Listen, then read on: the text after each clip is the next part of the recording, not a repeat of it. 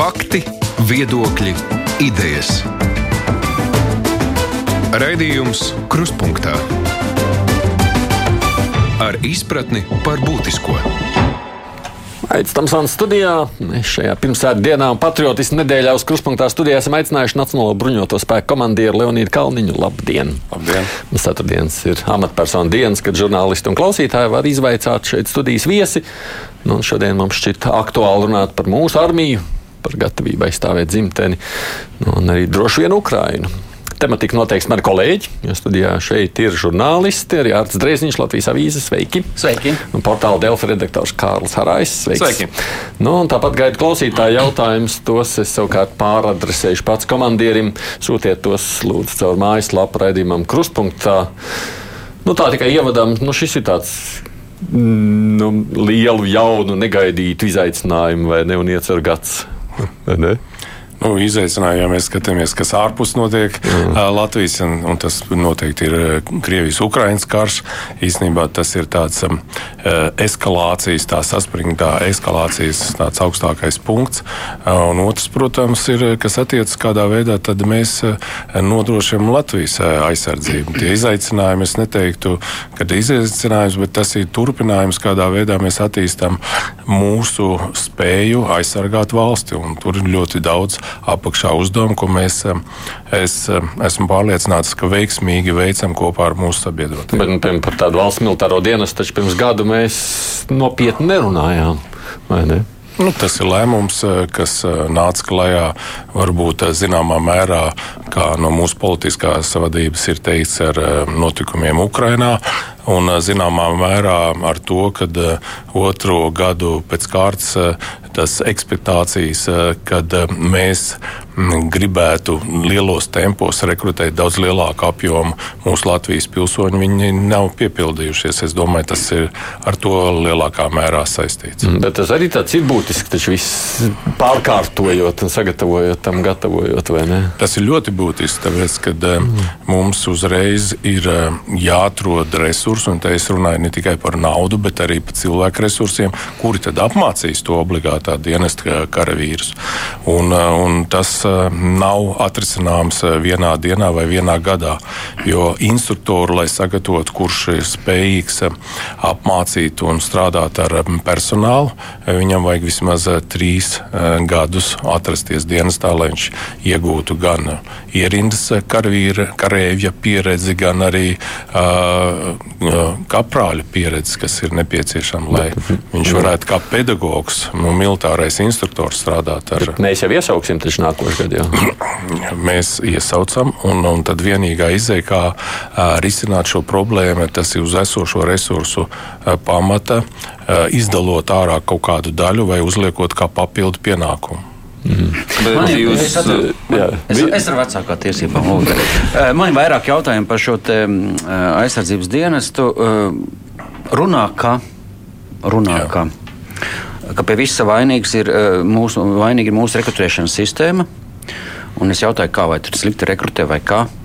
Un man atbild, ka, piemēram, kāpēc Lietuvā ievies obligāto dienestu? Viņš bija atcelts bija atcelts un tagad ievies. Jā. Uh, un runā, ka uh, tas notika tāpēc, ka lietuvieši uh, ļoti paļāvušies uz savu patriotismu, uz to, ka nevajag neko rekrutēt. Vienmēr būs cilvēki, kas dien, dien, un tad vienā brīdī izrādās, ka to patriotismu, to vēlmu dienēt mums tik labi neiet. Un rekrutēšanas sistēma bija aizlaista galīgi kaut kur pašplūsmā vispār nesot īsti. Un tāpēc tas obligātais dienas tika atjaunots. Un, uh, mūsu rekrutēšanas sistēma ir laba, tā ir kārtībā, tā veic savus pienākumus. Ja tā veiktu savus pienākumus, tad varbūt mums nevajadzētu domāt par šādu te, eh, obligātu dienestu. Um, redziet, rekrutēšanas sistēma, tā es jums tā gribētu salīdzināt, uh, viņa nav automobīls, kurā ielai iekšā degviela, jā, un viņi brauc. Tādā ziņā. Ja. Rekrutēšanas sistēma, eh, kas ir Latvijas bruņotajos spēkos, ir izveidota diezgan optimāli. Un es pat teiktu, ļoti efektīvi. Mēs izmantojam dažādas virzienus, un tas vislielākais virziens, ka mēs kontaktējamies pat taisno ar potenciāliem rekrutējumiem. Tās ir skolas, mēs izmantojam augstā jaunākās tehnoloģijas. Mēs visur esam Twitterī, Facebookā un kur tik vēl mēs neesam. Mēs esam arī augstskolās un, un, un nu, arī teiktu, um, privāti firmās un valsts, valsts iestādēs. Es ir problēma, tas, ka jūs citur. kaut ko darat, tas ir saprotams. Bet, piemēram, kāpēc ir atcelts NBS, ja armijas dienas vairs tā kā nenotiek? Es saprotu, tādā notiek. izpratnē, kāds bija agrāk. Viņas notiek viņas notiek, viņas notiek visos pilsētas svētkos. Tieši Jums vajag apmeklēt šos pilsētas svētkus. Un ne tikai NBS dienas kā pilsētas svētki, bet arī dažāda veida pasākumi, kas lielākā mērā saistīts ar ar kompāniju vēlmi rekrutē, re, reklamēt savus produktus, mēs tur piedalāmies ar smago tehniku un visādās citās pasākumos. Šeit nav vaina rekrutēšanas sistēmā. Te ir absolūti ir cita. Tā ir sabiedrības attieksme pret dienas un taisnīgi jaunās paudzes, cik lielā mērā viņi ir gatavi sev pakļaut augstai disciplīnai un 24 stundu dienestā un visas 7 dienas nedēļā salīdzinot ar to, uh, mazliet relaksētu dzīvi civilajā dzīvē, kad viņš var tagad arī attālināt strādāt un pelnīt sev iztiku. Tas tā ir tagad ir, ir tā. Mums jārisina šis jautājums ar sabiedrību, un tas pats būs jārisina ieviešot obligāto dienas, nekurienes mēs tur neaizbēgsim. Atgriezīsimies pirms 2007. gada, kādā veidā obligātais dienas tad funkcionēja. Mums bija ļoti daudz un daudz dažādas problēmas. Es tagad varbūt negribu iedziļināties, ja? un mēs to nevarējām to atrisināt eh, tajā laikā. Ja sabiedrība tagad neatbalstīs obligātā dienas ieviešanu, tad viņš arī tā tālāk klibos. Man pēdējais, man pēdējais, man pēdējais jautājums par aizsardzības dienestu, es kādu brīdi paklusēšu. Eh, man cilvēki, kas ir saistīti ar militārām struktūrām, saka, ka varbūt prātīgāk būtu ievest tādu uh, obligāto dienestu, kas būtu kā, nāktu nu, caur zemesardzes struktūrām, respektīvi zemesardzē, piemēram, iesaukt pu, puisi Bauskā, un viņš iziet obligāto dienestu Bauskas zemesardzes vienībā. Viņš, būtu, viņš varētu atrasties arī mājas režīmā, dienas pildot, braukāt. Viņš zinātu savus komandierus, viņš zinātu apvidu, viņš no tās vietas projām neaizbrauktu. Un, un tas būtu daudz efektīvāk nekā iesaukt uz vienu gadu cilvēku obligāti dienestā, un otrajā gadā viņš jau uh, lasa zemes Lielbritānijā vai vēl kaut kur citur atrodas, un viņi nevar dabūt. Ja, vairāk piesaistīt cilvēkus konkrētām vietām uh, un, un, un konkrētām vienībām uz vietas nieskam. Bet tā. tās jau ir viens no piedāvājumiem. Jūs, eh, nu, aizsardzības ministrija iepazīstinot ar savu koncepciju, viņi arī par to runā, kad ir eh, iesaukt uz 11 mēnešiem regulārā spēku veidā, vai arī dienas zemesardzē, vismaz 30 dienas gadā, bet 5 gadu garumā, vai arī alternatīvais dienas. Tā, kā, tā ideja principā jau tagad ir realizējama, ja tiks pieņemts likums. Jā, es par to pirmo gadu gribu pajautāt, jo es saprotu, ka nu, no janvāra tas nebūs. Tas jau šobrīd ir skaidrs. Būs visticamākais no jūlija, bija nemaldos Garisona kungs nesen teica. Bet vai jau, pirmais jautājums, vai joprojām ir spēkā ideja, ka pirmais iesaukums būs uz brīvprātības principa? Un, ja jā, tad Cik mēs sagaidām? Ja, ja, rekru, ja mums šobrīd ir šāda rekrutēšanas cipara, kā ir kāda iespēja, ka uz to uz šādu dienestu vēl nāks cilvēki brīvprātīgi, nu, vai tam vispār ir jēga? Tad, tad būtu mans jautājums. Joprojām spēkā, kā jūs teicāt, ir pirmais iesaukums ir brīvprātības princips. Un eh, tad mēs atkal atgriežamies pie sabiedrības atbalsta. Ja viņi atbalsta šo ideju, un tas eh, brīvprātīgā apjoms tajā pirmajā gadā ir 500 Latvijas pilsoņu iesaukšana. Bet nu, tālāk detaļas lielākā mērā, es domāju, mēs varēsim paziņot tikai tad, kad tiks pieņemts likums par valsts aizsardzības dienestu. Kaut kādu socioloģiju nesat taisījuši, pētījuši? Socioloģija tieši var pat šo pirmo brīvprātīgo iesaukumu nākošajā gadā ne Jānis saka, varbūt kāpēc tomēr obligāti nevis brīvprātīgi kurs pat ar normālām kompensācijām, jeb lielu burkānu. Kāpēc obligāti nevis mm, brīvprātīgi? Mm -hmm. Es īsti nesapratu to jēgu. Tā to domu viņš saka, nu, ja piedāvātu brīvprātīgus kursus, ka maksā par tiem kursiem vēl labi. Tad droši vien, ka būtu tagad jau mēs maksājam labi. Jā, jā. Brīvprātīgie rezerves karavīri saņem pirmā gada karavīra algu Mhm. Katru dienu sarēķinot to procentu uz katru izdienu. Ir, un šogad uh, ir uh, izgājuši šo brīv, brīvprātīgo rezerves karavīru apmācību uh, divreiz vairāk nekā iepriekšējā gadā. 161 Latvijas pilsonis to ir pabeidzis. Ir iespēja iestāties Latvijas zemesardzē, pa ko es vienmēr esmu um, bijis ļoti par. Tāpēc, es uzskatu, ka, ja mums ir dota valsts, tad mums arī brīvprātīgi ir jābūt spējīgiem aizstāvēt. Un, un tā ir iespēja vismaz trīs līdz piecus gadus pavadīt zemesardzē, kur arī pa katru dienu viņu iesaistē maksā atlīdzību, kāda ir pienāks eh, pirmā gada karavīram. Nu, bet, ja tomēr, redziet, red, nu, liet, jūs neatbildējat par to Lietuvu, man, vai tur ir rekrutēšanas sistēma. Man jau grūti komentēt, kādi bija iemesli Lietuvā. Es taču nebiju nu, Lietuvā. Nu, tie taču pat blakus. Par to nav. nu, gan, ja jūs zināt, es negribu teikt, bet eh, eh, par, eh, par to naudiņu Jā. tie cipari, kas manā rīcībā, es gan neesmu ielūkojies rekrutēšanas um, sistēmas grāmatvedībā. Bet tomēr, kā man sacīja, vai arī kā runā, ka, ka ļoti daudz tomēr pēc pirmā, otrā gada iet projām. Un, un pat vairāk nekā varētu domāt, ka cilvēki aiziet tāpēc, ka viņi vīlušies nu, armijā nu, pēc būtības, bet tāpēc, ka nu, tā nauda varbūt ir pa maza un tie ierobežojumi varbūt ir pa lieli. Tā tomēr esot problēma, ka tie tieši pēc, jūs sakat, pietiekams atalgojums, ka pēc pirmā, otrā gada pazūd. Respektīvi, tā ir diezgan vēl zemē izmesta nauda. Nu, es uzreiz tām tēnkām, es uzreiz tām tēnkām, ko jūs man tikko minējāt, eh, ar faktiem eh, pateikšanai. Šogad mēs esam rekrutējuši 369 eh, Latvijas pilsoņus regulārajam dienestam. No pirmā gada, ko mēs šogad esam rekrutējuši, ir nu, atvaļinājušies, aizgājuši prom tikai 13 pilsoņi tikai 13. Un nākošajā gadā viņi arī neatvaļinās. Viņi nodien savus pilnus uh, uh, piecus uh, gadu līgumu, kā tas ir ierakstīts nu, likumā, ko viņi arī parakstījuši paši. Un tā tendence, kāpēc viņi iet prom, jums ir taisnība atlīdzību un to valsts kontroli principā arī minēja, ka zemākās pakāpes karavīriem atlīdzība nav konkurētspējīga ar civilām iestādēm, ar privātu struktūrām, un, un, un tas ir nepieciešams atrisināt. Un te es esmu valsts kontrolē pilnīgi pateicīgs, un mēs vienmēr esam par to runājuši, ka atlīdzība ir viens no pilāriem, kas ir nepieciešams, lai noturētu pēc iespējas ilgāka zemākās pakāpes karavīri, kas mums ir principā iztrūkums. Kārli. Jā, bet um, šis, vai šo finansējumu varētu cerēt arī tad, kad paceļam to aizsardzības budžetu līdz 2,5% no IKP? Tad ir jau varbūt izskanējuši runas, ka tagad Reku būs tas pusprocents no IKP klāt, varēsim tagad celt tās algas, vai tas šobrīd nav gaidāms?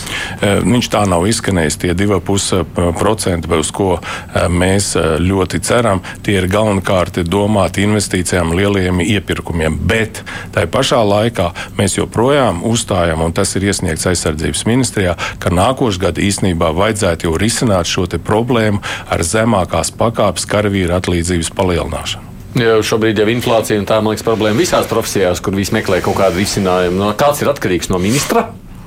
Tas ir atkarīgs no ministra kabineta. Tas ir eh, ministrs atbalsta absolūti mūsu nepieciešama, un tas ir atkarīgs eh, no ministra kabineta un pirmkārt jau no budžeta. Budžeta apjoms eh, jāatļauj. No, ministra kabinets, piemēram, saka, budžeta palielinās. Jūs sakat, aizies visi investīcijām. Kas tad nolēma, kur to naudu sadalīt? Tā taču tomēr ir iekšējā aizsardzības daļa. Ministra kabinets jau nesaka, kur jums to naudu jāatdod obligāti. Nē, viņš nesaka. Tad mēs uh, ieliekam palielinājumu uz 24. gadu. Mēs tagad runājam par 23. gada budžetu. Okay. Bet jūs redzat nepieciešamību un sakāt, ka vajadzētu palielināt vismaz nu, labi, nu, uz 24. gadu. Viennozīmīgi vajag palielināt. Ja pretējā gadījumā mēs nonāksim eh, ķīlī, kad eh, mums karavīriem tik tiešām nāksies uz izdzīvošanas pamatu. Tā būs, tas būs vislielākais apdraudējums mums. Te pašā sistēmai. laikā, ko lai ugunsdzēsē glābēji saka, viņam tur ideāli ir 800, 850 eiro jā, mēnesī. Nu, tas jau tā vienmēr ir bijis. Cik, ir, cik saņem apmēram, lai priekšstats ir klausītājiem, kāds ir tās algas. Tad, tad karavīra alga ir 600 alga uzreiz. Jā. Tā nevis atlīdzība. Atlīdzība ir kopā ar kompensācijām. Tad karavīra alga ir 640 eiro uz papīra. Un plus klāt viņam nāk kompensācija par dzīvokļu īri, kas ir 250 eiro un, un 14 eiro dienā ir uzturdevs kompensācija. Šie divi dzīvokļu īri un kompens, uzturdevs kompensācija neapliekas ar nodokļiem. Tad, tad karavīrs pirmā gadā, kad viņš atnāk dienestā, pirmajā mēnesī uz rokas saņem apmēram 1100 eiro. Okay, Priekšstats, uh, es pēdējo lietu par valsts aizsardzību dienas gribēju jautāt. Likums nav pieņemts. Ministru kabinets mums nav, nav zināms, vēl, kad būs. Saima nu, strādā, teiksim tā, kaut kā kruīza režīmā. Kas ir pēdējais brīdis, kad ir jāpieņem visu likuma paketu, lai priekšā vada ieviešanas? Un, uh, kurš ir tas brīdis, kurā ir nokavēts vilciens un mēs arī uz jūliju nepaspējam? Tātad ministrs kabinets jau ir pieņēmis lēmumu. Jā, tas ir saimā viss, bet tas, saima tāpat tās nu, ir tieši, atkarīga no ministru kabineta izveidas. Nu, tieši tā. Uh, tad uh, mums, uh, principā, tai sagatavošanai ir nepieciešama vismaz uh, 3-4 mēneši. Tātad pēdējais brīdis ir uz pavasari, ja mēs runājam par 1. jūliju. 1. aprīlī jābūt ir gatavai šī likuma normai, lai mēs varētu jau skatīties. Uh, ilgāk absolūti tas nav pieņemams. Jūs saprotiet, tā ir um, pilsoņa atlase. Ja mēs rēķinām, ka 19-gadīgie ir apmēram 9000 vīriešu kārtas pilsoņi, tad viņiem jāaiziet veselības pārbaudas, viņiem jāaiziet kriminālais tests tiesāšanas, un tad, protams, atlase, jo tur mēs nezinām, kā likumā būs ierakstīts, ka, piemēram, kā, kuri būs tie izņēmumi, kurus neies, neiesauks un tā tālāk.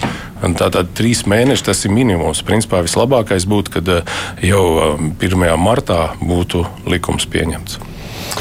Nu, labi, skatīšos, ko ļaudis jautā Edvards. Jautājums par iedzīvotāju evakuāciju kara gadījumā. Vai būtu droši braukt uz lidostu, mēģināt ņemt pirmo lidojumu, kas ir, vai būs organizācija iespējas evakuēties? Nu, ja cilvēks domā, kā izbeigt no Latvijas, jāsaka. Ka... Es jau aicinātu, ka tomēr eh, aizstāvēt Latviju vajadzētu nevis beigt no Latvijas un, un pa evakuāciju. Mans galvenais uzdevums ir aicināt sabiedrību mobilizēties un, protams, eh, tām iestādēm un, protams, ģimenēm, eh, kuri vēlas aizsargāt un tas pats absolūti ir normāli aizsargāt savus bērnus, eh, sievietes un, un, un vecākus cilvēkus, eh, nu, tad arī domāt, kādā veidā nodrošināt eh, viņu nu, dzīvotspēju.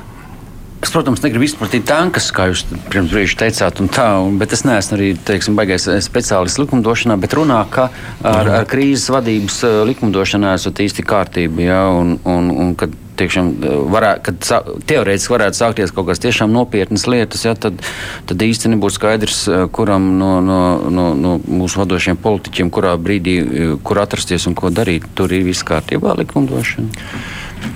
Es, es to likumā tā neiedziļināšos, bet es no tā praktiskā jā, viedokļa. Tieši no praktiskā. Jā, kurš mēģina... komandēs, kurš pakļausies, jā. kurš brauks ārā no valsts, kurš Tad mēs desmit gadus jau trenējam. Ir tāds mācības kristaps, ko vada aizsardzības ministrija. Principā mm. vada ministrs kabinets, bet no aizsardzības ministrija gandrīz vai vadošie tajā lietā. Un vada uh, viņu ministrs kabinets kā tādam premjeras, protams.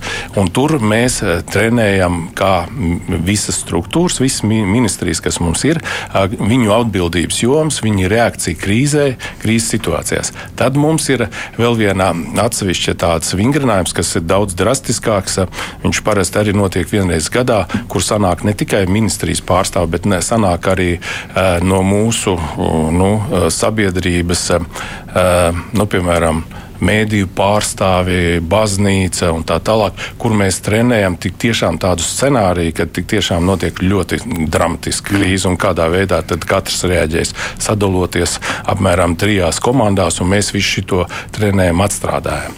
Es eh, uzreiz pateikšu, ka, protams, ka tur ir vēl liela telpa, kur mēs vajadzētu mums pilnveidoties, un tas ir jau uzreiz mēs runājam, arī skatītāju uzdotais jautājums, kā tad, eh, kāpēc viņam šis uzdev to jautājumu? Tāpēc, ka civilā aizsardzība aizsardzība mums ir.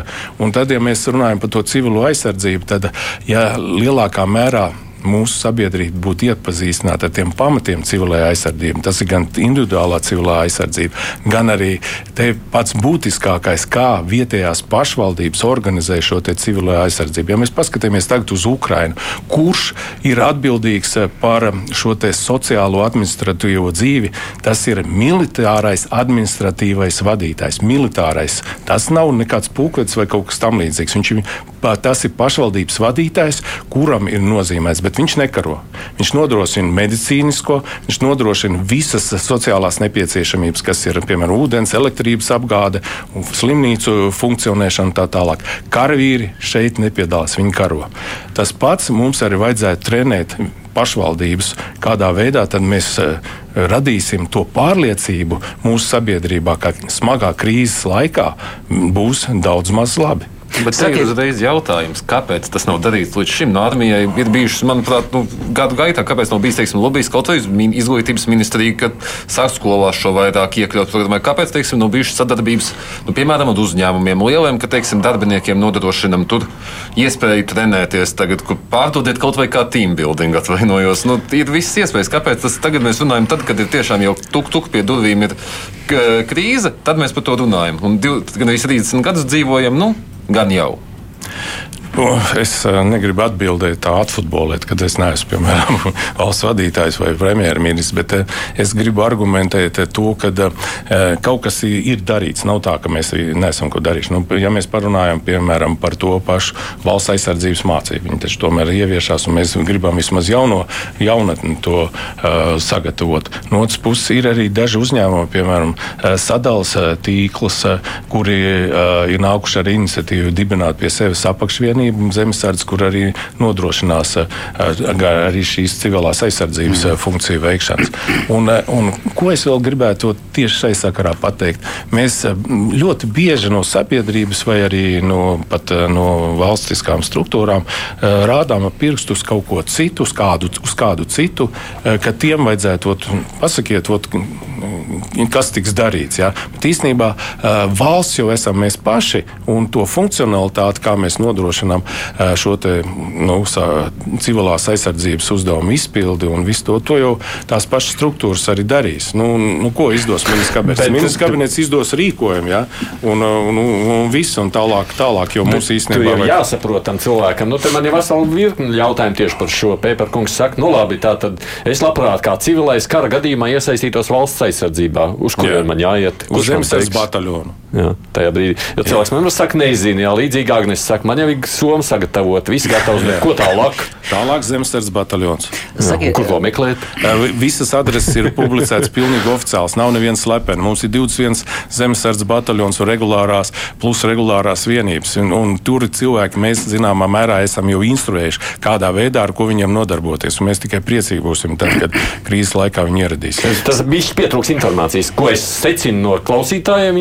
Viņi, Viņi nezina, viņi iespējams tā pirmo reizi dzird no jums. Paldies Dievam, ka es esmu šeit. Es varu jums teikt. Žurnālistam arī pietrūkst informācijas. Es, piemēram, ļoti gribu zināt, eh, ko, eh, kā jūs pavadījāt eh, aizpagājušo nakti, piemēram. Es gulēju ļoti slikti. Nu, kā mēs zinām, sāka krist uz NATO valsts, valsti raķetes, tur deviņos, tas cik uzzināts vai desmitos. Uh. -huh. Man uzreiz rada jautājums, ko dara mūsu politiķi, ko dara mūsu armijas komandieris.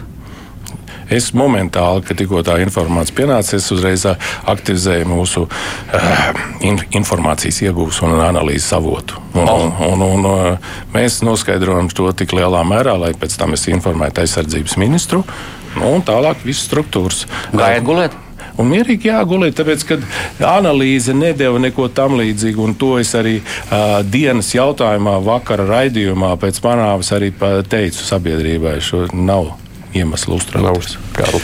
Jā, ja jau nonācām līdz šim jautājumam, tad eh, kāda būtu teiksim, kāda Latvijas gatavība, ja, piemēram, nu, Dievs nedod kaut kas nokrīt pie mūsu pierobežām? Nu, nezinu, Krievija neveiksmīgi lidina kādu savu izlūku lidojumu un nejauši nogāžās kaut kas. Nu, var gadīties cik mēs esam gatavi, un es šeit domāju ne tikai militārā, bet arī cik ļoti, teiksim, armijas gatavs sadarboties informatīvajā ziņā, lai sabiedrība uzreiz informētu un novērstu, teiksim, baumu izplatīšanos. Jo kas bija polijas gadījumā ļoti iezīmējās? Mm. Visi pasaules mēdīji, arī Latvijas mēdīji.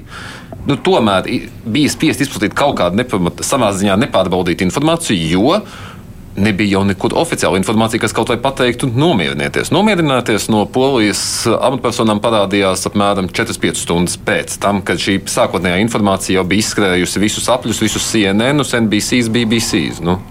No 5. pānta aizgāja uz 4. Jā, tieši tā. Un, un 4. pāns netika aktivizēts. Uh, redziet, mūsdienu tehnoloģiju laikā, un mēs to pirmo informāciju saņēmām, kur lielākā daļa bija uzrakstīts Twitterī. Nu, tas viss arī bija Zetpoļi, bija pirmais, kas kaut ko palaida. Jā, tieši tā. tā, tā. Uh, lai veiktu analīzi, kā un šitā, visas tās trajektorijas, uh, sazinoties ar izlūku uh, informācijas uh, ievācējiem, tā tālāk ir nepieciešams laiks. Ātrāk neviens jums nedos to kā lai saka, izvērtējumu, kā tas tika notiks. 4-5 stundas tas ir normāli. Jā. Cita lieta, jūsu jautājumu būtības gribu atbildēt tā struktūra, kas Polijā bija aktivizēta, to, ka momentāli tur eh, tika gan iekšlietu ministrija, tur redzējāt eh, viņu valsts policiju, gan robežsargi, gan uh, militāri personas tur darbojās momentāli. Un, un, un otrs, kas ļoti būtisks, momentāli tika iedarbināta um, šī te, uh, sist, uh, informācijas apmaiņas sistēma, kas ir NATO ietvaros, kas analizē visu to raķetu, kas tā bija par raķeti. Tas pats arī mums, mums ir ļoti laba sadarbība ar glābšanas eh, un ugunsdzēsēju dienestu, valsts policiju un Un šai lietā mēs momentāli strādāsim. Uh, vissliktākais, ja tagad aizsardzības ministrija, ja šāds notikums būtu, momentāli kaut ko nepārbaudītu, izplatītu. Nu, tas taču nebūtu pareizi. Tāpēc es nedomāju, ka jums momentāli eh, tiks pilna apjoma informācija izsniegta. Sniegta būs fakts, ka tāds fakts ir noticis, varbūt eh, geogrāfiskā lokācija būs un iesaistītās personas, un vai arī tas apjoms spēku veidu apsvērums tur būs. Armijas vienībām bija kaut kāds paaugstināts trauksmes režīms ieslēgts, vai nebija tā? Latvijā. Latvijā, Latvijā, jā. Latvijā mums nav nepieciešams iesaist šai gadījumā, bet mēs ieslēdzam citu. Bet mēs ieslēdzam no trenē, tren, trenēšanās nolūkos kaut vai. Un kāpēc mums uh, raustīt karavīrs, kas, kas ir tāpat mums atrodas augstā gatavībā uh, visu laiku? Ir cits jāieslēdz, ir jāieslēdz informācijas apjoms un informācijas uh, sistēma, un to mēs momentāli arī ieslēdzām, un mēs dabūjām informāciju par citiem citiem avotiem. Un, bet vai šāds scenārijs, nu, kā šī gadījumā varam laikam secināt, ka tā bija tomēr pretgaisa raķeta, nu, aizsardzības raķeta, Ukraiņas, kas tā bija visticamākais. Jā. Vai tāds var atkārtoties un, teiksim, nu, pierobežas teritorijās, Polijā, varbūt Ungārijā, kaut kur var atgadīties vēl šādas situācijas, ka nokrīt šādi te, vai tas ir tāds tiešām viens, viens no miljonu gadījums? Uh. Nu, protams, ka tā var atgadīties. Ar to, nu, kā saka, neviens nav garantēts, ka kaut kas tam līdzīgs nenotiks. Vēl jau vairāk, kad um, abas puses izmanto raķetes, kas ir 30, 40 gadus vecas, kur iekšējās uh, šīs raķešu paša iekšējā sistēma ir novecojusi un nav nekāda garantija, ka ieslēgsies pašiznīcināšanas uh, šīs komponente, kas ir katrā raķetē iekšā. Un, un mēs, uh, nu, protams, jebkurā gadījumā nevaram izbeigt no tāda riska. Un vai tas šādā ziņā tad varbūt uh, esat dzirdējis kaut kāds runas NATO vai līmenī, ka tomēr ir tas varētu motivēt, pal palielināt bruņojumu piegādu Ukrainai tieši, lai būtu jaunākas, labākas raķetes, kurām nu, nevar notikt šādi negadījumi? Es ceru, ka tas arī principā būs tas plus, kas motivēs lielāku apjomu palīdzēt eh, Ukrainai. Un tas ir absolūti nepieciešams. Arī pierāda to, ka ar, ar šādām nu, vecām raķešu sistēmām nu, nekāda efektivitāte viņi nesasniegs. Mm. Atgādināšu tikai klausītājiem, Leonīds Kalniņš, kurš ir Nacionālo bruņoto spēku komandieris šeit studijā, un divi mani kolēģi Kārlis Arājs, Arts Drēziņš iztaujājot, un, protams, arī klausītāju jautājumi. Raidījums Krustpunktā. Pirms kolēģi turpiniet, lai ir pārklausītāji jautājumi no tā, kas nāk rudīt, raksta tā mums. Vai armijā ir IT nodaļa? Es gribētu dienēt, bet zinu, ka es tādas normatīvas fiziskajā sagatavošanā neizietu. Man ir arī draugs, otrās grupas invalīds, bet arī gudrs IT jomā labprāt dienēt. Vai šis ir saknē neiespējami? Tas ir iespējami, sevišķi zemesardzes kibervienībā, un tur uh, es domāju, ka mēs pat neskatītos uh, uz to, ka uh, augsta klases speciālists ir ar invaliditāti. Mums galvenais ir viņa smadzenes, viņa spējas, un IT joma ne tikai kibervienībā zemesardzē ir iespējams. Šī IT joma ir visos spēku veidos. -hmm. Ruta savukārt raksta šādi, runājot par gatavību aizstāvēt dzimtes, dzimteni, būtiski ir arī jaunsargi. Mēs tad daudz svētku laikā runājam par jauniem jaunsargiem, kas dod zvērestu, bet mums ir tā, ka Rīgā Mišciem pamatskolas grupā, kur jaunsargu zvērestu devuši jau pagājušā gadā, šodien palikām bez instruktora. Mums nav nodarbības. Varbūt jums viesim ir komentārs, jeb risinājums šādai situācijai. Drīzāk komentārs.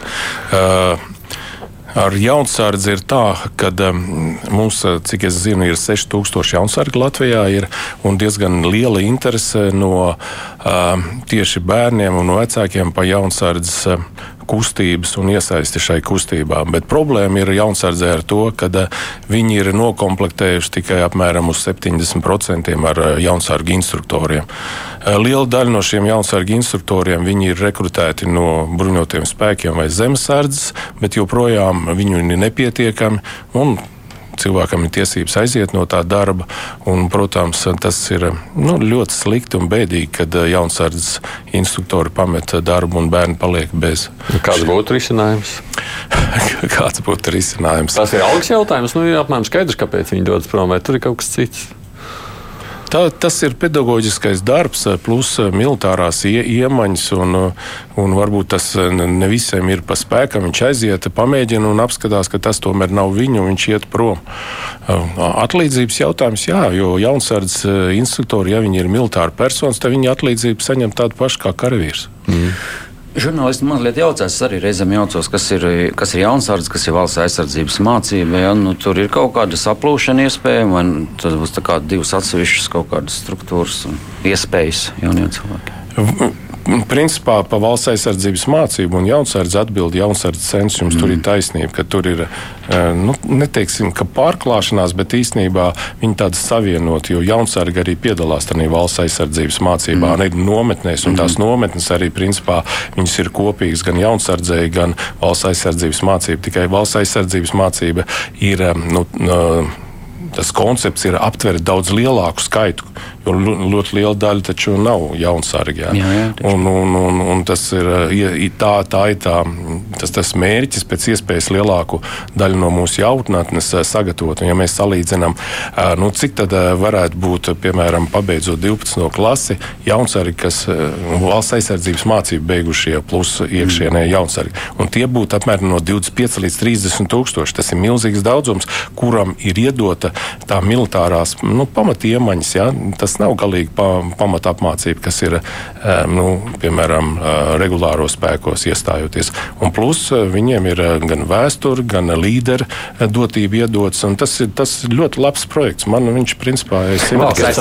Jā, jā. subjektīvs tikai komentārs. Viens no maniem bērniem šobrīd iet, un viņš ir starā, kā nu, saka nu, jaunie. Viņam nu, ļoti patīk, viņš ir priecīgs nu, par šo nu, gimnāziju. Viņš nevar izvairīties no tā. Nē, nē, bet viņš, jā, viņš bet var izvairīties. Viņš, viņš, viņš negrib izvairīties. Viņš priecājās par šo iespēju. Nav obligāti, ir obligāti. Es, ne, tas, tas, tas ir obligāti. Tas ir obligāti. Bet, ne, tas ir obligāti. Tas būs jā, jā. obligāts no, no 24. Jā. gada. Jā. Tā, bet es zinu, ka viņš ļoti tagad ir vairāk kā simt skolas, kuras ieviesušas, jā, un tad viņš tai skolā ir obligāts. Mm, bet jā. obligāts priekš visas valsts viņš kļūs. Jā, bet te, te, te, te mēs ļoti labi mm, nākamam jautājumam. Mēs dzīvojam. Pagaid, ļauj kādam par šo.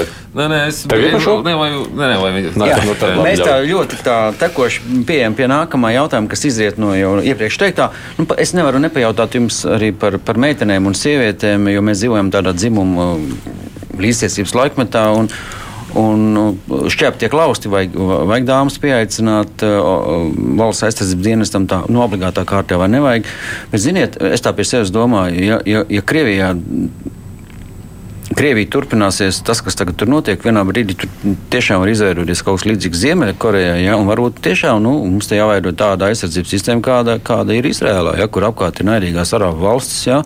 Un tu neviens nešķiro, tu esi dāma vai kungs, un tev tas ierocis ir, un tur kaujās un, un tiesājās valsti nevis par to, kā izvairīties no dienas, bet tiesājas par to, kāpēc valsts, kāpēc es netieku dienestā. Uh mhm. -huh. Kāds jums iedalgs par dāmām? Man varbūt ir. Uh tāds pretējs, eh, varbūt sabiedrībai dominējušs eh, viedoklis. Es ar lielāko prieku redzētu dāmas obligātajā dienestā. Un ziniet, kāpēc? Man ir pieredze vēl no zemesardzes laikiem, kad es eh, redzēju tādos mm, vingrinājumos, kur ir diezgan liela slodze. Piemēram, tur ir maršs uz 15 km ar, ar pilnu ekipējumu. Tas ir apmēram 15 kg plus ierocis. Un skatos, nevisai liela auguma zemesardze stiep vēl vienu AK-4 ieroci un blakus tāds liels tā kā es velkās, jā, bez somas, bez nekā. Tāpēc, tāpēc es esmu pilnīgi par tādu lietu ieviešanu. Es saprotu, ka tas uzreiz, ja mēs runājam par valsts aizsardzības dienas, tas uzreiz momentāli jautājums ir par infrastruktūru. Mums tomēr ir vajadzīga lielāka finansējums, jo tas ir nepieciešamība. Bet, nu, varbūt mēs varam sākt arī ar to brīvprātības principu, kā tagad tiek piedāvāts. Bet nu, Norvēģijā mēs skatāmies obligātais dienas arī sievietēm. Jā. Jā, es paiešu prom atkal no Latvijas, bišķi Ukrainas virzienā. Gribētu varbūt jūsu vērtējumu pirmkārt par šī, šo, šī, šī brīža situāciju, kad, ir, kad sāk izskatīties, ka palēninās jau tā kara darbība un kā tas izskat, nu, palēnās un nostiprināties jau tādās frontes līnijās. Un vai tas ir kaut kas tāds, ko mēs varētu gaidīt, ka uz ziemas periodu mēs iestiksim tādā zināmās uh, frontes līnijās, vai tomēr uh, nu, atnāks ziema, kaut kas pārstāv aizsals kaut ko un varētu notikt no vienas vai otras puses kādas straujas kustības. Neskatoties uz to, ka ir atbrīvota Helsona, principā tagad ir iestājies tāds pozīciju karš. Jūs, mēs redzam uh, to, kas notiek Donbasā, un tas ir lielā mērā mm, balstīts uz to, ka no vienas puses Ukrāņiem ir milzīga griba neatdot ne centimetru no savas zemes, bet eh, pretī ir uh, valsts ar milzīgiem resursiem. Un tur absolūti nav beigušies ne munīcijas krājumi, ne ieroču krājumi, ne arī mobilizējumu skaits. Tas tiek visu laiku grūsts iekšā un tālāk mēģināts virzīties uz priekšu. Kas skatoties vispār pa Ukrajinu, viena no bīstamākām situācijām varētu būt tad, ja tiktu atklāta Baltkrievijas fronte vai Baltkrievijas virziena.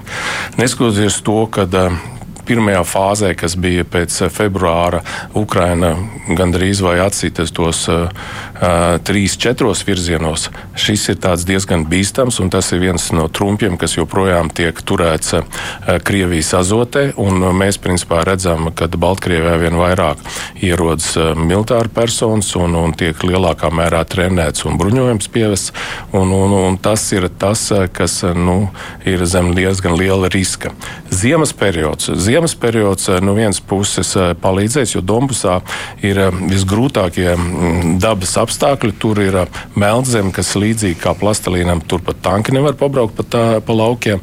Ziemas periodā tas dod daudz lielāku iespēju virzīties uz priekšu un, un veikt operācijas. Uz šodien dienu visbūtiskākais ir tas, lai Ukraiņi nezaudētu savu operacionālo tempu. Tas nozīmē, ka viņam vajag virzīties kaut vai dienvidu virzienā no Helsinas un nekādā gadījumā, protams, nelaist dziļāk iekšā Donbasā. Un uh, otrs par šo arī tas, par ko var liecināt tas, ka zināmā mērā pieklususi tā kodola retorika, kas vienu brīdi pirms pāris mēnešiem bija ļoti skaļa no Krievijas puses. Un tagad, nu, šķiet arī, ja paskatāmies, teiksim, viņa propagandas raidījums, viss ir tāda nedaudz piezemētāk un pieklusušāk. Vai tas ir kaut kāda pašu apziņa, ka varbūt tomēr tas 30 gadus turētās raķetes nav tik spējīgas, vai tas ir taktisks solis jūsu ieskatā? Nu, pirmkārt, viņi nāca klajā ar iebaidīšanu, nevis Ukraiņu, bet rietumu iebaidīšanu. Un rietumu viņi, kā saka, nolika pie vietas, un, un tāpēc šī retorika, viņi saprotot, ka tā vairs nestrādā, viņi netiek eh, pielietota. Jā, savukārt, ja es drīkstu šajā pašā kontekstā jautājot par šīm iepirktajām, jeb iepērkamajām balistiskajām raķetēm no Irānas, kā tās var ietekmēt visu tālāko notikumu attīstību? Nu, viņi palīdzēs Krievijai tālāk turpināt to teroru, ko viņi veica, iznīcinot civilo infra infrastruktūru. Un te mēs atkal redzam civilās aizsardzības funkcijas, cik lielā mērā mēs esam spējīgi nodrošināt valsts funkcionēšanu. Un tur neko īpaši šobrīd nodrošināties simtprocentīgi nevar. Nu, momentāli reāli vajag domāt, eh, Ukrainai piegādāt raķešu sistēmas, kas spēj iznīcināt balistiskās eh, raķetes. Un tās, diemžēl, nav visas, kas to spēj. Tā ir tikai ļoti ierobežots eh, sistēmu nu, tāds nosaukums skaits, kuri īstenībā var to darīt. Jūs redzat cerības, ka tas varētu notikt? Protams, es vienmēr es esmu absolūts optimists. Un, bet, teiksim, ja Latvijai būtu tāda nepieciešamība, mums arī varētu kāda sabiedrotie šo piegādāt. Nesen atceros, bija video, kā pie mums dienas laikā Himatu nogādāja no Vācijas. Ļoti skaists video, bet nu, tagad praksē cik tā loģistika ir atstrādāta, ka, ja vajadzētu nevis iepriekš plānoti, bet reaģējot uz negaidītu notikumu, cik ātri pie mums, teiksim, no Vācijas atbraukt Haimers sistēma vai atkams vai kāda cita sistēma, ko mums varētu vajadzēt? Jūs pilnīgi pareizi pateicāt, un tas bija treniņš un arī demonstrēja, ka dažu stundu laikā šeit būs. Bet ikdienā mūs nodrošina šo pretgaisa aizsardzību mūsu sabiedrotī, kas ne, neatrodas šeit Latvijā, un viņiem nav nepieciešams šeit atrasties, lai notriektu balistiskās raķetes, kas palaistas no no mūsu nedraugiem. Tas nozīmē, jūs atbildat man vairāk klausītāju jautā vienu to pašu, skatoties ļau, ļaužu jautājumos, kad Latvijai būs gaisa aizsardzība. Pretgaisa aizsardzība, kas ir principā mūsu nacionālais uzdevums, viens no prioritātēm, eh, tuvākā laikā tiks eh, paziņots par iepirkuma re rezultātiem, kurš ir vinētājs un ko mēs pirksim. Un es domāju, ka divu, trīs gadu laikā mums jau būs līdzīgas sistēmas, kā tagad ir mūsu piegādājuši Spāņi. Tas nozīmē, ka mēs neapmierināmies tomēr to, ka kādi mums no no citiem aizsargā? Pretgaisa aizsardzība sastāv vismaz no pieciem slāņiem, un to, ko mēs pērkam, tas ir tāds uh, vidējās darbības pretgaisa aizsardzības uh, līdzeklis, kas ir nepieciešams, bet vēl ir uh, tā darbības pretgaisa aizsardzība un um, pretbalistiskā pretgaisa aizsardzība, ko mēs savu dārdzības dēļ neno, nespēsim iegādāties, un to mums jebkurā gadījumā sabiedrotie nodrošinās. Nu jā, bet jums jau cilvēkiem ir jāpasaka godīgi, ka pretgaisa aizsardzības sistēma nekad nebūs absolūta. Un, un, kā mēs zinām, šīs pašas divas nelaimīgās raķetes, kas tur nokrita Polijā, ja, nu, iepriekšēji izpētes rezultāti, rezultāti rāda, ka tās bijušas tāda tipa, kas tur lido ieprogrammētas pat zemā pa 100 metriem. Un, ja kāds gribēs izšaut pa Latviju, tās raķetes atlidos. Jautājums, cik tālu un kur viņas nokritīs. Un, un nekāda aizsardz, pretgaisa aizsardzības sistēma šobrīd nav tik moderna, lai, lai, lai uh, robežu pārvērstu par nepārvaramu, vai ne? Ir taču tā, vai ne? Um, pretgaisa aizsardzības. Um, nu uzdevuma izpilde skaitās, ka viņi ir ļoti labi, ja viņi 80% vismaz var notriekt. Tas ir, tas ir ļoti labs rādītājs. Bet pats galvenais mums īstenībā ir nepieļaut kara darbību. Tā jau vislabākā ir aizsardzība. Un, ja notiek kara darbība, tad jebkurā gadījumā infrastruktūra cietīs un cietīs arī mūsu iedzīvotāji. Nu, mazliet tā kā klausītāja jautājums. Mammu jautājums dažas pāris mammas raksta šādi. Taņa saka tā, dēls man ļoti gribēja dienēt armijā, bet viņi izbraucēja, izbrāķēja, un izbrāķējums bija jo deguns šķīps. Man tas šķiet smieklīgi, jo fiziski viņš ir spēcīgs un sportisks. Vai tiešām joprojām tāda kā plakanā pēda, vai līka mugura, vai greizs deguns varētu būt iemesls, lai atsaktu dienas? Nu, Tā kā es neesmu mediķis, man grūti to varbūt nezinot detaļas komentēt, bet ko es gribētu mammai ieteikt, un ceļš dēlam, ja? neatkāpties un vēlreiz eh, iet uz medicīnisko komisiju, un jebkurā gadījumā, ja kaut kas ir labojams, tad tas tiek labots, un nu, viņam, ja šis mērķis joprojām ir aktuāls, tagad no ir iztaisnot. Jā. Nu, ir operācijas dažādas, tā kā mierīgi var iet un, un taisīt šīs operācijas. Nu, par tiem jaunsargiem Rūtas saka, tā problēma jau ir tāda, jauns jaunsargs uzņēma, bet man, ja es sēžu mājās, tāpēc, ka lūk, viņam nav instruktors, viņš grib, bet viņam nav iespējas. Kāda jēga uzņemt jaunus, jau esošos nevar nodrošināt? Nu, tā ir atkal tā. Nu, tā procedūra, kad uh, paralēli noteikti notiek uh, instruktoru meklēšana, un, un taču neatteiksi jaunsargam, ja viņš tagad uh, grib iestāties. Nu, ir gadījumi, kad viņam jāpagaida kādu mēnesi, kad sāksies nodarbības. Par droniem te vēl prasa, vai Latvi, cik labi ir Latvijas droni salīdzinājumā ar turku un citiem droniem, vai Latvijā ražo dronus kamikādzes un cik tālu tie lido? Latvijā ražo dronus, un viņi ir vairāka tipa, kuri mēs esam piegādājuši Ukrainām, un pa visiem šiem droniem ir ļoti lielisks, labas atsauksmes. Mēs, man nav zināms par tādu kamikādas dronu ražošanu Latvijā, bet lielākā daļa tie droni, kas ir piegādāti Ukrainā, viņiem ir viena nozīme, viņi nodarbojas ar informācijas vākšanu. Mhm, un tie turki savukārt ir uzbrukšana. Nu, tā, Jā, tie ir uzbrukuma droni, tie ir daudz lielāki eh, par tiem, ko mēs eh, šeit ražojam. Un mēs negrasāmies šajā virzienā izskatīties, nezināt. Uh, nu, mums, protams, kad ir, mēs skatāmies uz Ukraiņas pieredzi un mācāmies no Ukraiņas. Un, mm. Tas, kas tur ļoti efektīvi strādā, tas arī tiek ielikts mūsu plānos, kas potenciāli varētu tikt iegūts bruņotajos spēkos. Latvijas armijas vārdā es gribētu pateikt paldies visai sistēmai par to, ka ādažu militārā bāze ir izveidota vienkārši lieliski. Jā, es domāju, ka daudz kur rietumos, tā skatā arī NATO valstīs un Amerikā, Ne visur ir tik labi apstākļi. Ja? Bet vai tas nav radījis arī mazliet pretēju efektu? Jo esmu dzirdējis, ka nu, mēs zinām, ka Sēlijā plāno arī bāzi, un esmu dzirdējis, ka um, Vieni otri ārzemnieki, vai tie ir portugāļi, kanādieši vai kas cits, eh, jau, jau, jau ir vērsušies pat rakstiski, ka nu, lūdzu atstājiet eh, mē, eh, mūsu ādažos, mēs nekādā gadījumā neiesim kaut kur jūs tur Latvijas mežos tur atrasties. Nu, skaidrs, ka sēlijas puros un mežos ļoti ilgi nebūs tāda apstākļa kā ādažos pie Rīgas, kur kroziņu blakus, Rīga, Vecrīga, lieliska sporta bāze, iespējas, kazārmas, viss kā pie cilvēkiem. Nav dzirdēts? Nē, man tāds nav dzirdēts. Paldies. Arī dzirdēsiet. Jā, bet, ja mēs runājam par pādažiem, daļa no vienībām tur īstenībā nedzīvo tieši tādā pilsētiņā, kur ir mm. gan sporta centrs, gan ēdināšana, bet viņi dzīvo tieši poligonā tādos pašos apstākļos, it kā viņi dzīvotu sēlijā, tādās mežās. Viņam Jā, bet vienmēr ir iespēja atgriezties nu, dažu kilometru attālumā. Nu, nu, protams, tas ir. Un šīs te vienības, viņas rotē, viņas ne, visu laiku nesēž ādažos un nesēž nesēdēs. Viņi gan kurzemē, gan uh, austrumos mums dažādās vietās atrodas pa mēnesi un tur notiek. Protams, kur es piekrītu, mums ir ļoti liels darbs vēl jāizdara, lai uzlabotu infrastruktūru ne tikai turpinot tādažos.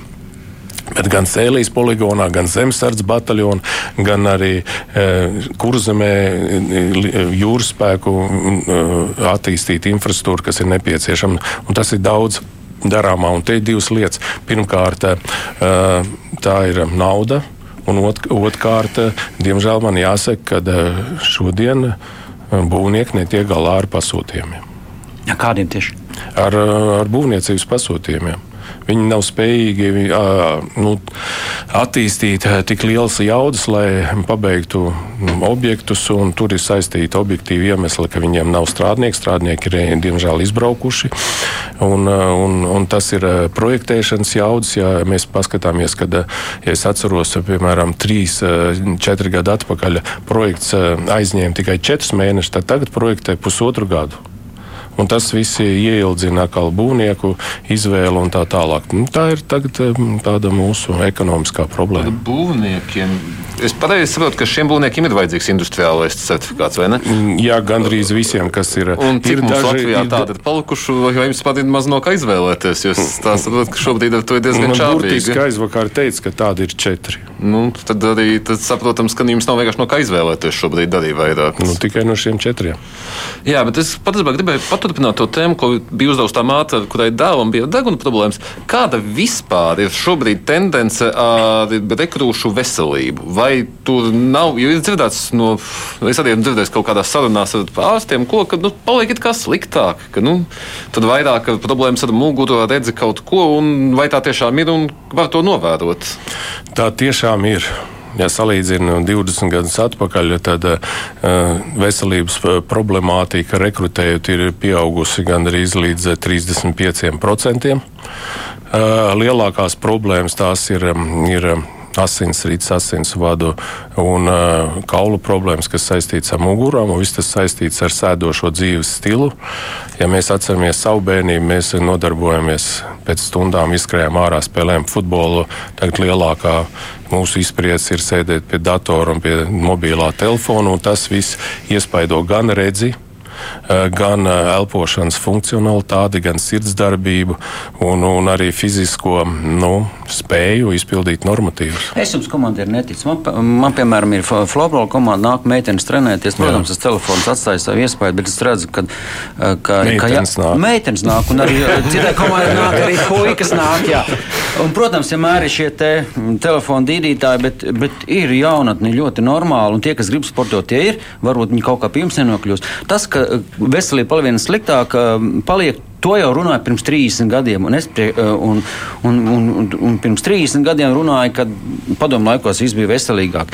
Ja katru gadu paliek ar vien sliktāk, tad drīz tie jaunieši vispār nebūs dzīvot spējīgi. Nu, nevar būt tā, ka visu laiku paliek sliktāk. Nu, tā tas nav iespējams. Varbūt ir kaut kāds kritiskā, nu, nevar līdz nulē aiziet. Nu, nevar, Nu, Visu katru gadu paliek sliktāk. Nu, ne, nav tā. Nu, nu, nu nav nu, nu, man arī gribētos tā ticēt, ka tomēr tas lielākā daļa nu. tomēr paliek veselīgāka. Nu, jā, lielā, bet es, nu, es neticu, ka katru gadu paliek. Nu, bet ir nu, florbola komanda, kur jums ir skolā, skolā vai ir? Ķekavā. Nē, nu, bet tas ir ar skolu apmācību. Ja mēs paskatāmies, cik uh, intensīvi ir skolā fiz, fiziskultūras nodarbības un cik tur apmeklētība, man ir tā informācija, ka viņas nav aktīvas un īstenībā jaunieši tur zinām mērā tur izvairās. Viņas nav tā, ka tas ir milzīgi obligāts. Es uzskatu, ka fiziskultūras nodarbības vajag daudz interesantākas. To jūs apspriedīsiet pēc raidījuma. To jūs pēc laika arī, jūs klasi biedri arī izvairījās. Mani arī izvairījās. Beidziet, nekad nav bijis savādāk. Mēs atdevām ļoti daudz militārā ekipējumu Ukrainai.